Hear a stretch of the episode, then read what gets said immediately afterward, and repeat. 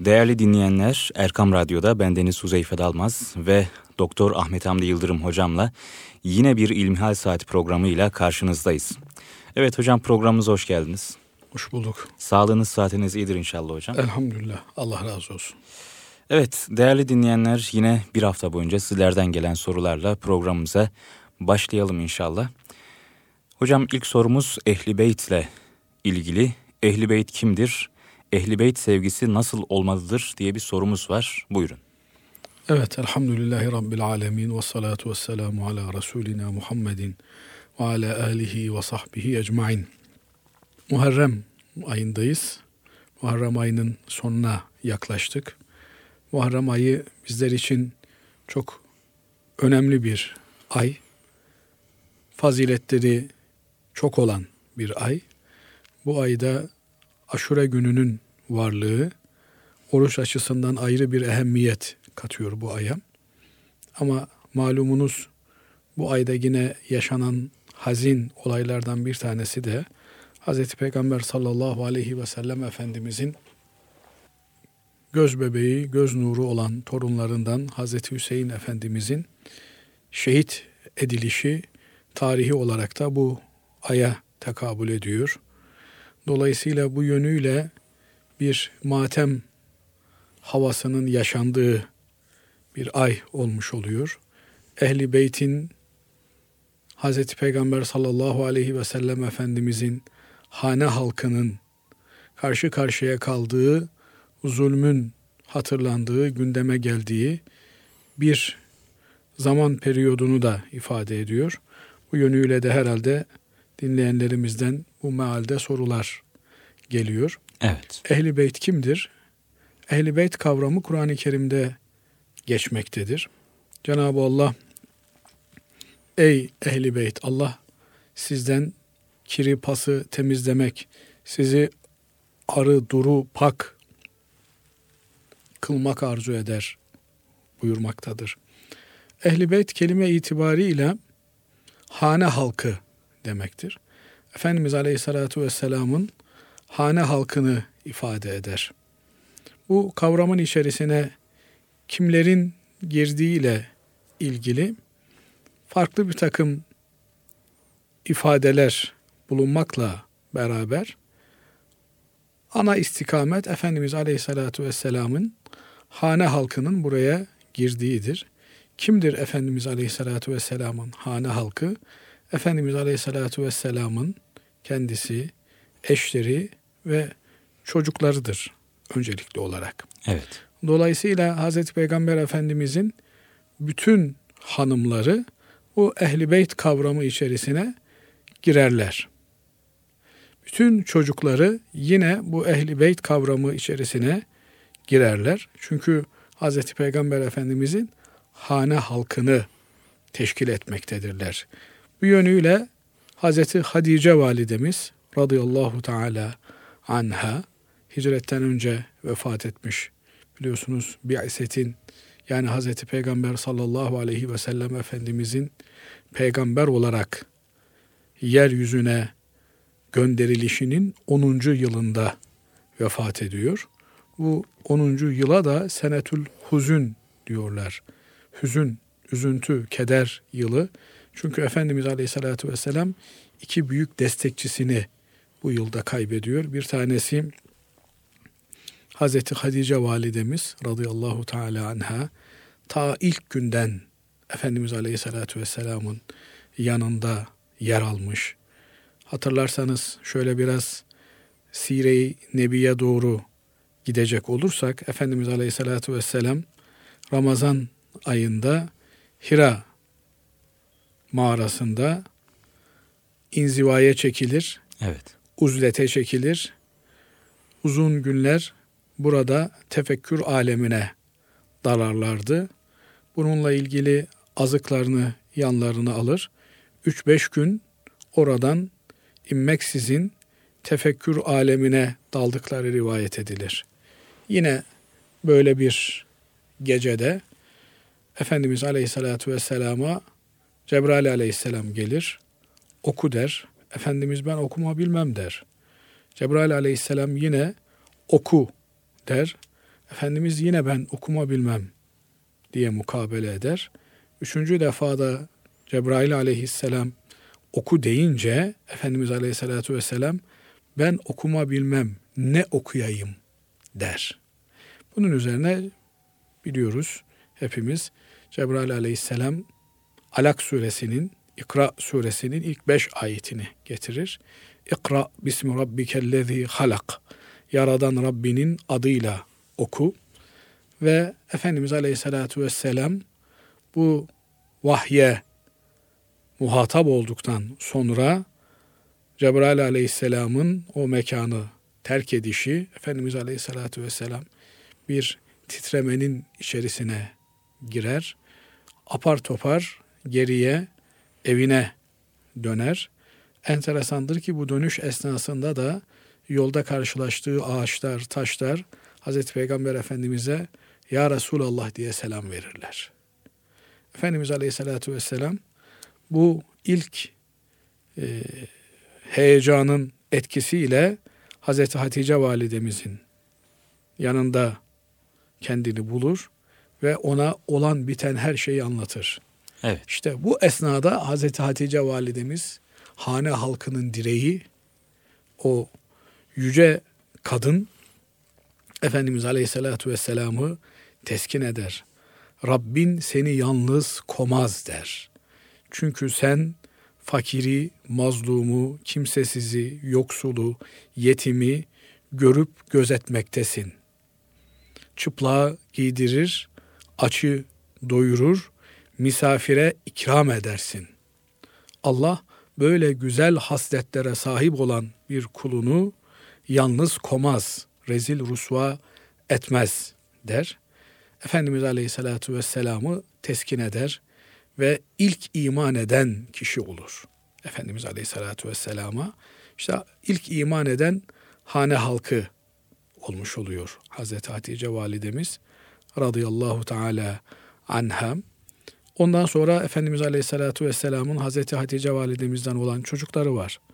Fakat hikmeti ilahiye gereği Efendimiz Aleyhisselatü Vesselam'ın bütün çocukları Hazreti Fatıma annemiz müstesna Efendimiz Aleyhisselatü Vesselam'ın hayatında vefat ederler. Efendimiz Aleyhisselatü Vesselam onların her birini defneder.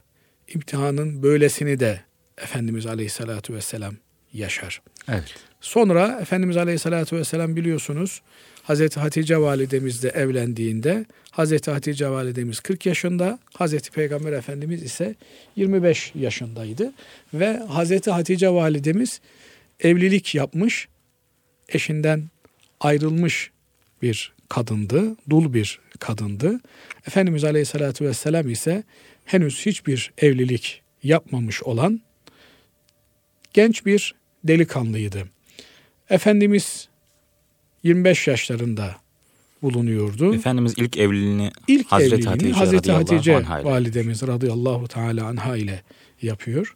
Ve bu evlilikleri Hazreti Hatice validemiz vefat edinceye kadar 25 sene sürüyor. Ve bu 25 sene zarfında Hazreti Peygamber Efendimiz bir başka evlilik yapmıyor. Hazreti Hatice validemiz vefat ettikten sonra Hazreti Ayşe validemizi radıyallahu teala anhayı eş olarak alıyor ve ondan sonra biliyorsunuz Efendimiz Aleyhisselatü Vesselam'ın müteaddit defalar evlenmesi söz konusu. Bütün bu evlilikleri onun hane halkını teşkil eden mübarek hanımları müminlerin anneleri olan ümmehatül müminin müminlerin anneleri olan bu hanımlar Efendimizin hane halkını, ehli beytini teşkil etmektedir. Tabi burada ehli beytin devamı söz konusu olduğunda az önce de ifade ettik Hazreti Peygamber Efendimizin bütün çocukları Hazreti Fatıma annemiz hariç Efendimiz Aleyhisselatü Vesselam'ın hali hayatında henüz vefat etmeden diğer aleme, öte aleme göç etmişler. Sadece Hazreti Fatıma annemiz Efendimiz Aleyhisselatü Vesselam'ın vefatından 6 ay kadar sonra vefat ediyor. Ve Efendimiz Aleyhisselatü Vesselam'ın e, zürriyeti, nesli Hazreti Fatıma validemizden devam ediyor. Çünkü diğer çocukları vefat ettiği gibi onların çocukları da olmamış. Dolayısıyla sadece Hazreti Fatıma annemizin çocukları söz konusu ve Hazreti Ali Efendimiz de Hazreti Fatıma annemizin çocukları Efendimiz Aleyhisselatü Vesselam'ın neslini devam ettiriyorlar. Hazreti Peygamber Efendimizin torunları, ehli beytini bu şekilde kıyamete kadar sürdürecekler. Nitekim Kur'an-ı Kerim'deki en kısa süre olan Kevser suresi Hazreti Peygamber sallallahu aleyhi ve sellem Efendimiz'e Kevser'i müjdeliyor. Kevser'in ne olduğuyla ilgili birçok rivayetler söz konusu. Hakim olan, ağır basan rivayet Kevser'in cennette bir ırmak olduğu, Kevser ırmağı, Kevser nehri diyoruz. Hazreti Peygamber Efendimiz'e inananlar o Kevser'in etrafında buluşacaklar. Havzu Kevser deniliyor. Kevser kesura kelimesinden türemiş bir kelime. Çok anlamına geliyor. Yani Cenab-ı Allah Hazreti Peygamber Efendimiz'e sana çoğu verdik anlamına gelen bu çok Hazreti Peygamber Efendimizin ümmetinin çok olması münasebetiyle Havz-ı Kevser'in suyundan içecek olan ümmeti Muhammed'i temsil ediyor. Bir yönüyle de Hazreti Peygamber Efendimizin ehli beytinin kıyamete kadar süreceğini de ifade ediyor. Çünkü sana çoğu verdik.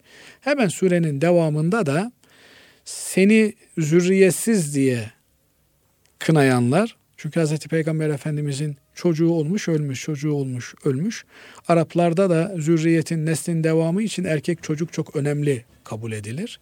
Günümüzde de memleketimizde maalesef cahilliklerden bir tanesi erkek evladın bu yönüyle adeta kutsiyetine inanılıyor olması. Ama o gün Arap toplumunda e, kız çocuğu bir ar meselesi olarak görülüyor. Ayeti kerimeler bunu çok açık bir şekilde ifade ediyor. Ve izâ buşira ahaduhum bil unsa zalle vechuhu musvedden ve huve kazim. Kızın oldu denildiğinde yüzü simsiyah kesiliyor adamın. Gayzına, kinine hakim olamayacak derecede sinirleniyor. Ayet-i kerime açık bir şekilde bunu ifade ediyor. Tabi bugünkü gibi o gün ultrasyon cihazlarıyla anne karnında çocuğun kimliği tespit edilemediğinden ebelerin müjdelemesiyle, haber vermesiyle kızı mı oldu, erkeği mi oldu bunu öğreniyor. Evet. Kapıda bekleyen adamcağız eğer kızın oldu denmişse başından aşağı kaynar sular dökülüyor. Eğer erkek evladın oldu denmişse o zaman düğün dernek alay durumuna geçiliyor. Hazreti Peygamber Efendimizin dünyaya gelen erkek evlatları yaşamayıp vefat edince cahiliye Arapları Hazreti Peygamber Efendimiz'i kınayacakları kendi kendilerince bir şey daha buluyorlar ve Efendimiz Aleyhisselatü Vesselam'a haşa epter yani soyu zürriyeti kesik anlamına e, tahkir edici bir ifade kullanıyorlar. Cenab-ı Allah da işte o ifadeyi kullananlara inne şani eke huvel ebter. Seni ayıplayan, seni yeren, sana e, laf söyleyen kimseler asıl onların soyları kesiktir buyuruyor.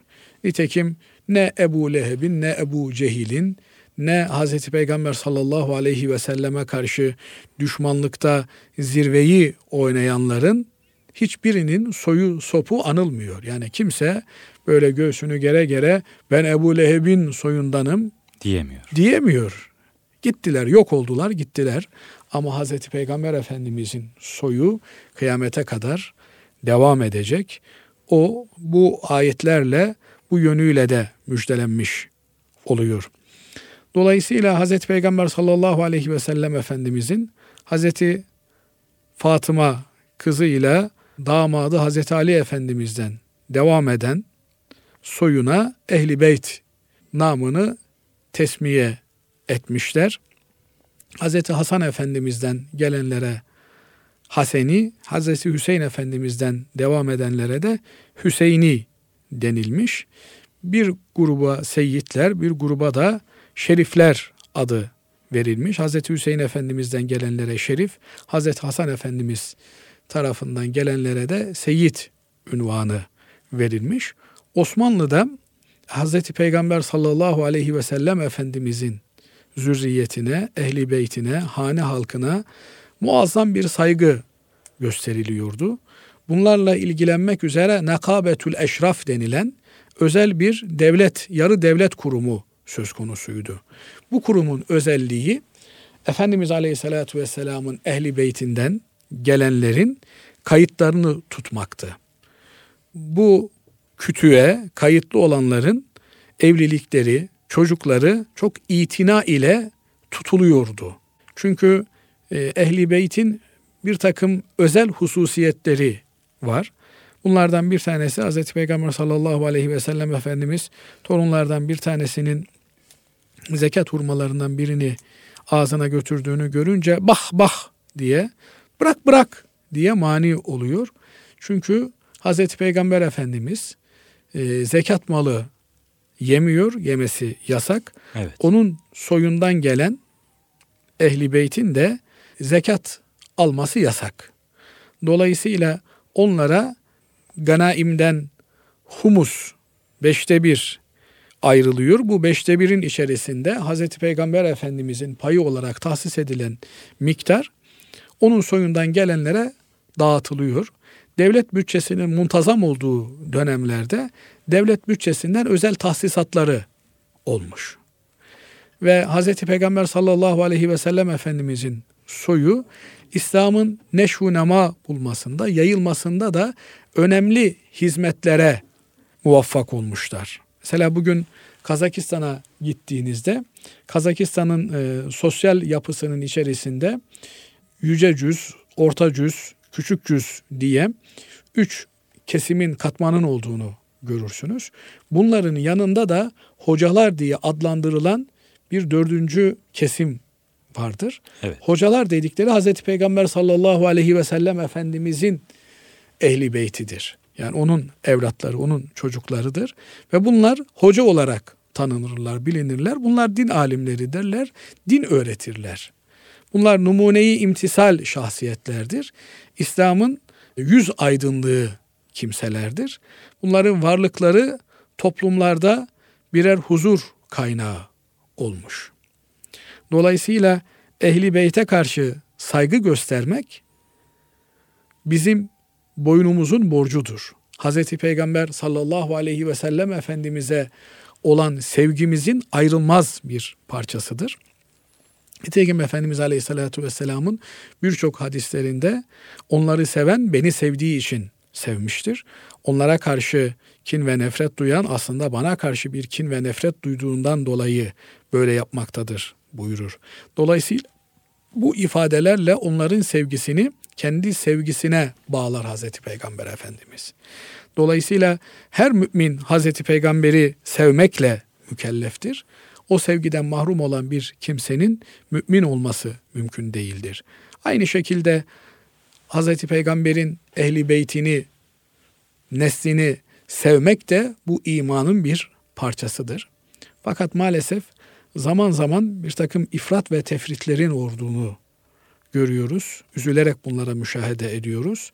Sözüm ona bir takım kimseler Hazreti Peygamber Efendimizin çocuklarını, Hazreti Peygamber Efendimizin torunlarını, Hazreti Hüseyin Efendimiz'i özellikle, Hazreti Fatıma anamızı aşırı derecede kutsarken Hazreti Peygamber Efendimizin hane halkını teşkil eden eşlerine karşı ağıza alınmayacak hakaretlerde bulunabilmektedirler. Bu imani olarak insanı dinsizliğe götürebilecek bir tehlikedir. Evet. Yani nasıl bu dini bölüp parçalayıp içinden işimize geleni kabul edip işimize gelmeyeni reddetmek mümkün değilse kardeşim ben namazımı kılarım, orucumu kılarım ama faiz yasakmış, harammış. Ben bu dünyada artık bugünkü ekonomik şartlarda bunu kabul etmem diyen bir adamın Müslüman olması mümkün değilse yani ya bu dini tamamen kabul edeceksin veya tamamen reddedeceksin. Ha, bir günahı işleyebilirsin, günah olduğunu bilirsin, tövbe edersin, istiğfar edersin, günaha düştüğünü kabul edersin. Ama inanç bağlamında bu dinin bir bütün olduğunu, ayrılmaz olduğunu, bu dinin içerisinden cımbızla hiçbir şeyin çekilemeyeceğini kabul ve ikrar edersin. Müminsindir. Mümin kardeşimizsindir. Aynı şekilde Hz. Peygamber sallallahu aleyhi ve sellem Efendimizin ehli beyti içerisinden de ben şunları severim, bunları sevmem, şunlara karşı bir düşmanlığım var, kinim var, nefretim var, bunlara karşı da bir muhabbetim var deme lüksüne sahip değildir bir Müslüman. Evet. Seviyorsan hepsini seveceksin. Müslüman olmak istiyorsan bütün ehli beytini Hazreti Peygamber Efendimizin seveceksin. Hazreti Ayşe'yi radıyallahu teala anha, Hazreti Hafsa'yı seveceksin. Onları sevmeden ben ehli beyti seviyorum, ehli beyt aşığıyım vesaire filan diye ortalıkta çıkıp konuşmanın, ahkam kesmenin, yaygara kopartmanın bir anlamı yok, bir kıymeti, bir değeri bulunmaz. Binaenaleyh nasıl Müslüman olmamız Hazreti Peygamber Efendimiz'i sevmeyi, onun zürriyetini sevmeyi gerekli kılıyorsa, onun ailelerini, eşlerini sevmeyi de gerekli kılıyor. Çünkü Cenab-ı Allah Hazreti Peygamber Efendimizin eşlerini müminlerin anneleri olarak tavsif ediyor. Dolayısıyla bir insan annesine duyması gereken muhabbeti, sevgiyi ve itaati Hazreti Peygamber Efendimizin eşlerine karşı da göstermekle mükelleftir. Evet. Aynı şekilde Hazreti Peygamber Efendimizin ashabına karşı bu muhabbeti, bu sevgiyi izhar etme, gösterme mecburiyeti vardır. Hazreti Peygamber sallallahu aleyhi ve sellem Efendimiz de uzaktan yakından alakalı olan her şeyi sevmek bizim imanımızın bir parçasıdır. Hele de onun maddi varlığının da bir devamı olan ehli beytini sevmek ap ayrı bir güzellik ve bir nuraniyettir, bir fazilettir bizler için. Fakat bununla beraber şunu da unutmamak gerekir Huzeyfe Bey. Hazreti hmm. Peygamber Efendimiz buyuruyor ki bana iman eden herkes benim ehli beytimdir. Takva sahibi olan, takva hassasiyeti olan herkes dini kılı kırk yararcasına yaşama gayreti içerisinde olan Hazreti Peygamber Efendimizin sünnetine sımsıkı sarılan her Müslüman benim ehli beytimdir diyor. Dolayısıyla her Müslümanı bu gözle değerlendirmek lazım. Hazreti Peygamber diyerek gözünden yaşlar boşalan bir mümini asla ve asla yabancı olarak değerlendirmek, dışlamak, ötekileştirmek, her ne suretle olursa olsun Müslümanca, mümince bir davranış olmaz. Dolayısıyla Müslümanlar olarak Müslüman kardeşliğini her şeyin üstünde tutmamız gerekiyor. Hz. Peygamber Efendimizin ehli beytini birleştirici, bütünleştirici, kaynaştırıcı bir unsur olarak kabul etmemiz gerekiyor. Ayrıştırıcı, ötekileştirici, itici bir konu haline getirmekten hepimizin hassasiyetle uzak durması gerekiyor. Biz Hz. Peygamber Efendimizin hane halkını, eşlerini, çocuklarını, torunlarını, bütün sahabe efendilerimizi severiz. Başımızın, gözümüzün üstünde tutarız. Bununla beraber şunu da hatırlatmak gerekiyor. Bütün bunların ön şartı iman sahibi olmaktır. Takva sahibi olmaktır. Nitekim Efendimiz Aleyhisselatü Vesselam Hazreti Fatıma anamıza kızım Fatıma yarın kıyamette babanın seni kurtaracağını düşünme. Ona göre kendi tedbirini al dediğini de unutmamamız gerekiyor. Evet. Yani ben ehli beyttenim, benim bir sorumluluğum, bir yükümlülüğüm yok deme lüksü kimsenin yok. İşte ben namaz kılmasam da olur benim namazlarımı filan kıldı. Yok böyle bir şey. Hazreti Peygamber aleyhissalatu vesselam nasıl yaşamışsa öyle yaşamaya gayret sarf etmemiz gerekiyor. Onun bize yasakladığı her şeyden de kaçmamız gerekiyor. Bu vesileyle Cenab-ı Allah'tan dua ve niyaz ederiz. O ayrıcalıklı büyüklerimizin şefaatlerine Cenab-ı Allah bizleri nail eyler. Amin hocam. Peygamberimizin torunlarına sevgisi nasıldı diye bir sorumuz var hocam. Bu soruyla ikinci bölümümüze kaldığımız yerden devam edelim. Evet bu e, Ehl-i Beyt sevgisinin de aslında bir tezahürü ve devamı. Evet. Yani Hazreti Peygamber Efendimizin bizzat kendisi hane halkına nasıl bir sevgi besliyordu? Öncelikle tabi bu hane halkına karşı olan sevgisinden bahsederken eşlerine karşı olan sevgisi ve muamelesinden bahsetmek gerekiyor. Ee, onun bir devamı olarak çocuklarına karşı olan muhabbetinden bahsetmek gerekiyor. Nasıl bir eşti Hazreti Peygamber sallallahu aleyhi ve sellem Efendimiz? Nasıl bir babaydı? Alemlere rahmet olarak gönderilmiş.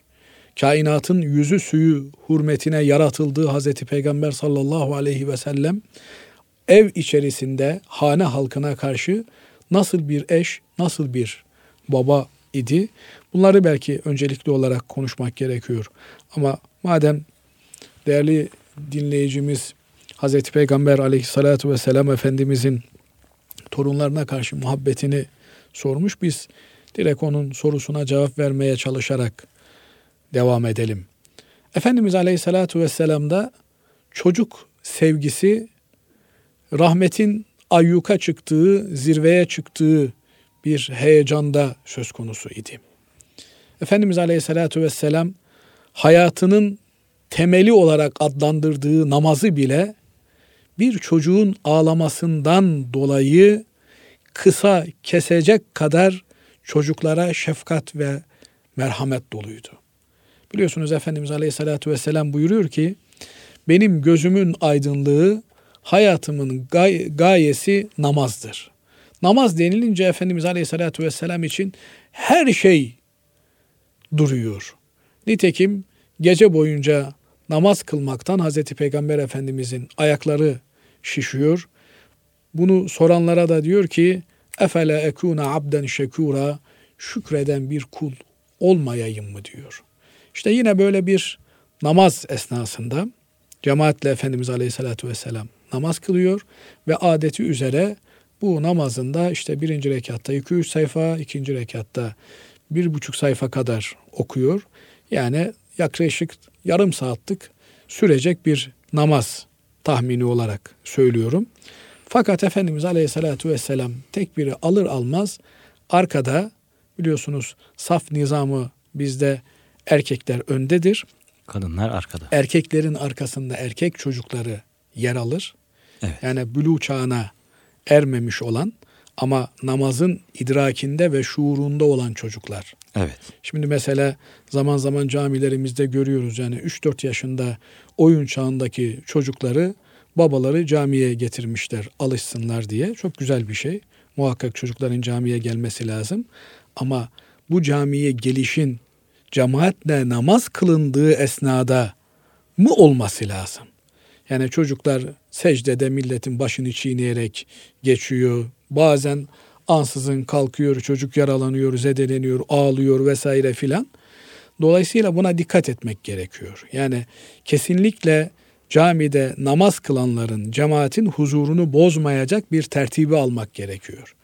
Evet namazdan yarım saat sonra getir camiye kimse yokken camide oynasın, camide stres atsın, camiyi tanısın.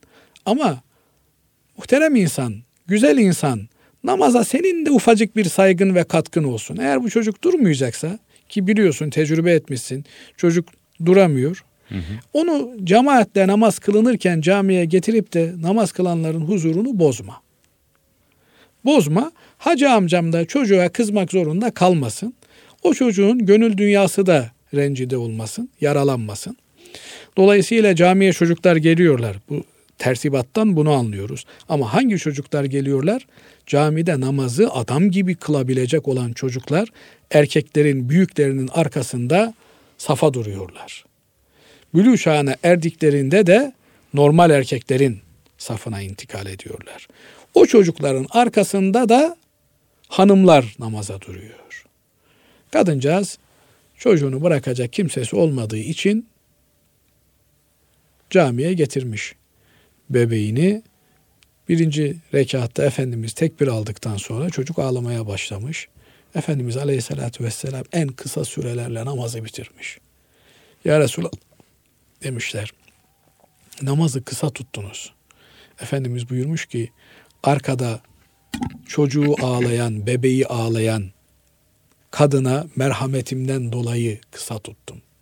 Çünkü o namaz süresi içerisinde o kadıncağız bir yandan cemaate huzursuzluk verdiğini düşünecek, bir yandan çocuğunun ızdırabıyla ıstıraplanacak. Efendimiz Aleyhisselatü Vesselam namazı kısa tutmuş ki o çocuk bir an önce annesinin şefkatli kollarında huzur bulsun, rahat etsin. Bir başka misalde de Efendimiz Aleyhisselatü Vesselam fırsat buldukça torunlarıyla bir araya geldiğinde onları öper koklarmış. Bunu gören bedevilerden bir tanesi sahabi tabi haliyle Efendimiz Aleyhisselatü Vesselam'a iman etmiş ama bedevilik vasfı iman eder edemez gitmiyor. Bu bir terbiye süreci. Efendimizin çocukları öptüğünü görünce demiş ki ya Resulallah demiş çocukları öper misiniz? Efendimiz Aleyhisselatü Vesselam evet demiş. Allah senin kalbinden merhameti söküp almışsa buna ben ne yapabilirim demiş.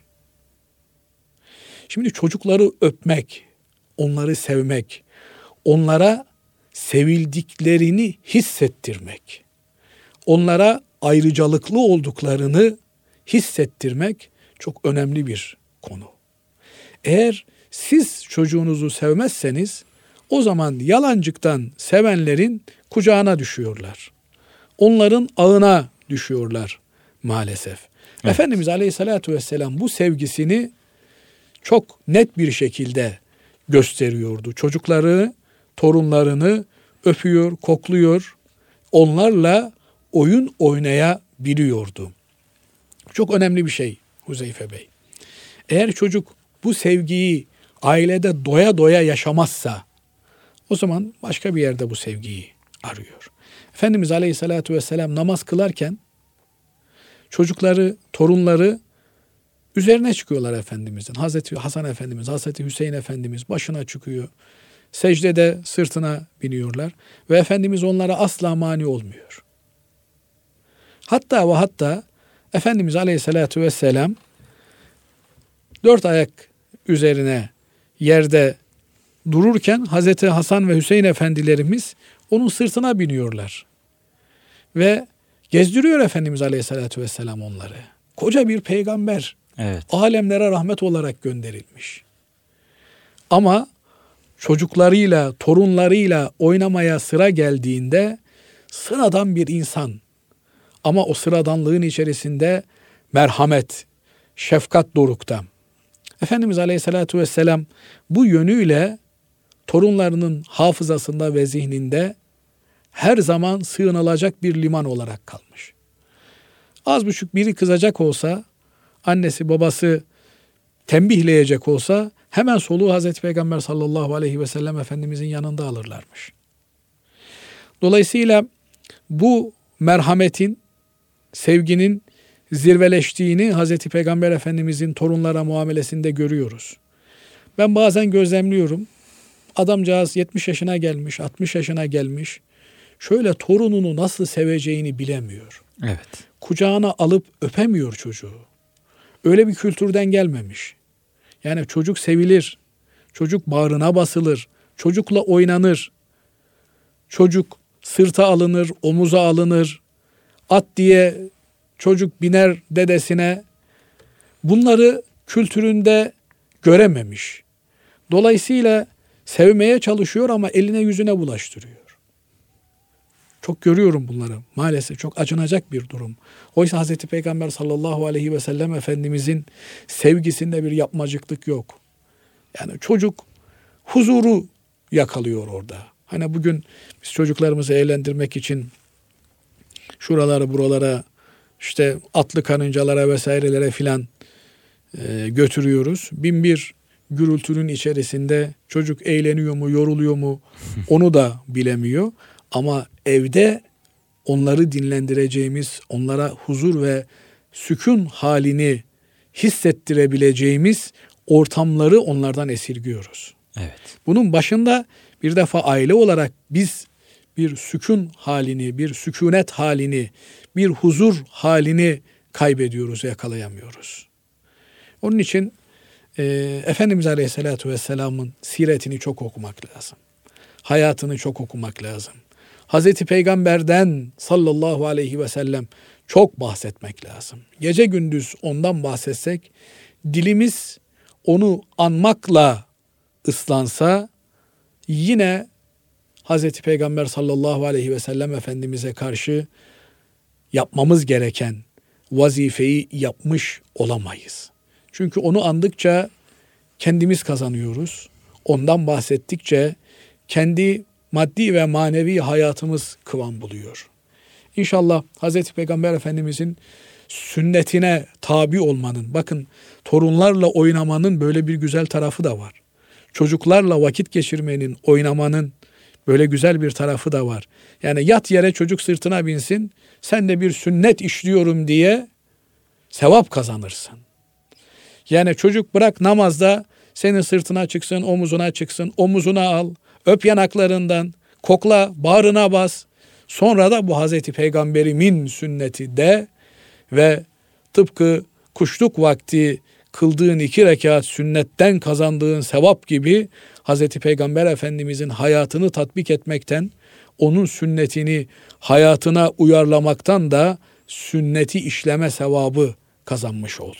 Evet. Dolayısıyla bu yönüyle basit sevapları yani basit derken sevabın basit olmaz. Ama bizim açımızdan işlenmesi kolay, getirisi çok olan işleri yapmaktan geri durmayalım. Sünnet bu. Çocuklarla oynamak, torunlarla vakit geçirmek, onlarla dertleşmek, konuşmak. Efendimiz Aleyhisselatü Vesselam bu yönüyle de ümmetine büyük bir numune olmuş. Evet hocam. Evet, diğer bir sorumuz. Sehiv secdesi nedir? Hangi sebeple kılınır? Hocam. Evet. Sehiv secdesi hangi sebeple yapılır? Sehiv unutmak demek. Yanılmak demek. Namazımızda biliyorsunuz namazın farz olan rükünleri var. Bir de vacip olan yönleri var. Evet. Dolayısıyla e, namaz kılan, namaz kılma çağına gelmiş olan bir Müslümanın namazın detaylarını bilmesi gerekiyor. Namazın fıkhını ki eskilerimiz Osmanlı'da buna ilmi hal demişler. Yani halinin içinde bulunduğu durumun bilgisine vakıf olmak. Namaz kılma çağına gelmişse namazı bilecek. Bunun için Sıbyan mekteplerinde hatırlarsanız Huzeyfe Bey, namazın 12 şartı var, altısı içinden, altısı dışından, dışında olanlara şart, içinde olanlara rükün denir diye. Evet, 32 belki, farzın içinde. E, manasını o gün tam hazmedemediğimiz, anlayamadığımız ama özeti itibarıyla bir namaz bilgisinin bize verildiği dönemler, o dönemler. İşte namazın rükünleri dediğimiz, namazın içindeki şartlardan bir tanesi eksik kalırsa namaz namaz olmaktan çıkar. Mesela rüküyü unutsa bir adam, Direkt secdeye gitsin. direkt secdeye gitse bu namaz batıl olmuştur. Çünkü namazı oluşturan temel ögelerden bir tanesi burada söz konusu edilmemiştir, kaybolmuştur, yok olmuştur. Bu yüzden namaz batıl olmuştur. Fakat namazın vacipleri dediğimiz yani namazda olması lazım gelen ikinci derece unsurlardan bir tanesi unutulacak olsa burada namaz batıl değildir. Eğer secdeye kadar hatırlarsak yani son selama kadar hatırlarsak bunu telafi etmek için seyir secdesi yapıyoruz. Mesela nedir namazın vacipleri? Namazda Fatiha'yı okumak namazın vacibidir. Evet. Fatiha'dan sonra zamm-ı sure okumak namazın vacibidir. Bir adam sabah namazının sünnetini kılıyor. İkinci rekatta Fatiha'dan sonra unutarak rüküye gitmiş, secdeye gitmiş. Sonradan da zamm-ı sure okuması gerektiğini hatırlamış. Ne yapacak bu adam? Selam verdikten sonra son oturuşta tahiyyatı okuduktan sonra sağa selam verecek. Selam verdikten sonra Allahu Ekber diyerek secdeye gidecek. İki secde yaptıktan sonra tekrar tahiyyat, salli barik, Rabbena atina, Rabbena gfirli okuyarak selam vermek suretiyle namazdan çıkmış olacak. Sehiv secdesi dediğimiz tahiyyattan sonra selam verdikten sonra yapılan iki adet secdedir. Ne zaman yapmamız gerekir bu secdeleri? Az önce ifade etmeye çalıştığımız gibi namazda vacip olan bir unsuru terk edersek bu secdeyi yaparız. İkinci bir husus da bir farzı tehir edersek veya bir vacibi tehir edersek bunu yaparız. Mesela kıyamdan direkt secdeye gittiniz, aklınıza geldi, kalktınız, doğruldunuz, rükûnuzu yaptınız, rükûden sonra tekrar secdeye gittiniz. Ne oldu? Bir gecikme meydana geldi. İşte bu gecikmeden dolayı sehiv secdesi yapmak lazım gelir. Aynı şekilde namazda Fatiha'dan sonra Zammi sureyi okumanız gerekiyordu. O arada dalgınlığınız oldu. Bir müddet beklediniz. Ondan sonra Zammi sureyi okudunuz. Yine geciktirmiş oldunuz Zammi sure okumayı. Bu geciktirmeden dolayı da, bu unutmadan, bu yanılgıdan dolayı da sehiv secdesi yaparsınız. Ama eğer bir farz terk edilmişse artık onu sehiv secdesi kurtaramaz. Namaz sehiv secdesi kurtarıcı. Namazdaki e, kapatılabilir eksikleri, yanlışlıkları kurtarma secdesidir. Selam verdikten sonra iki defa secdeye gidilir. Sonra tekrar tahiyyat salli barikle devam edilir. Ama eğer hata kapanamayacak kadar, kurtarılamayacak kadar büyük bir hataysa o zaman namazı tekrar kılmak gerekir. Bu arada şunu da hatırlatalım. Bütün bunlarda yani bir vacibin terkinde, bir farz ve vacibin tehirinde, geciktirilmesinde kasıt olmaması lazım gelir. Kasıt olursa o namaz zedelenmiş demektir. Evet hocam. Hocam çok teşekkür ediyoruz. Programımızın teşekkür sonuna ederim. geldik. Allah razı olsun. Cümlemizden hocam. Evet değerli dinleyenler Erkam Radyo'da bendeniz Huzeyfe Dalmaz ve Doktor Ahmet Hamdi Yıldırım hocamla yine bir İlmihal Saati programımızın sonuna geldik. Bir sonraki programda yeniden buluşmak ümidiyle hoşçakalın Allah'a emanet olun.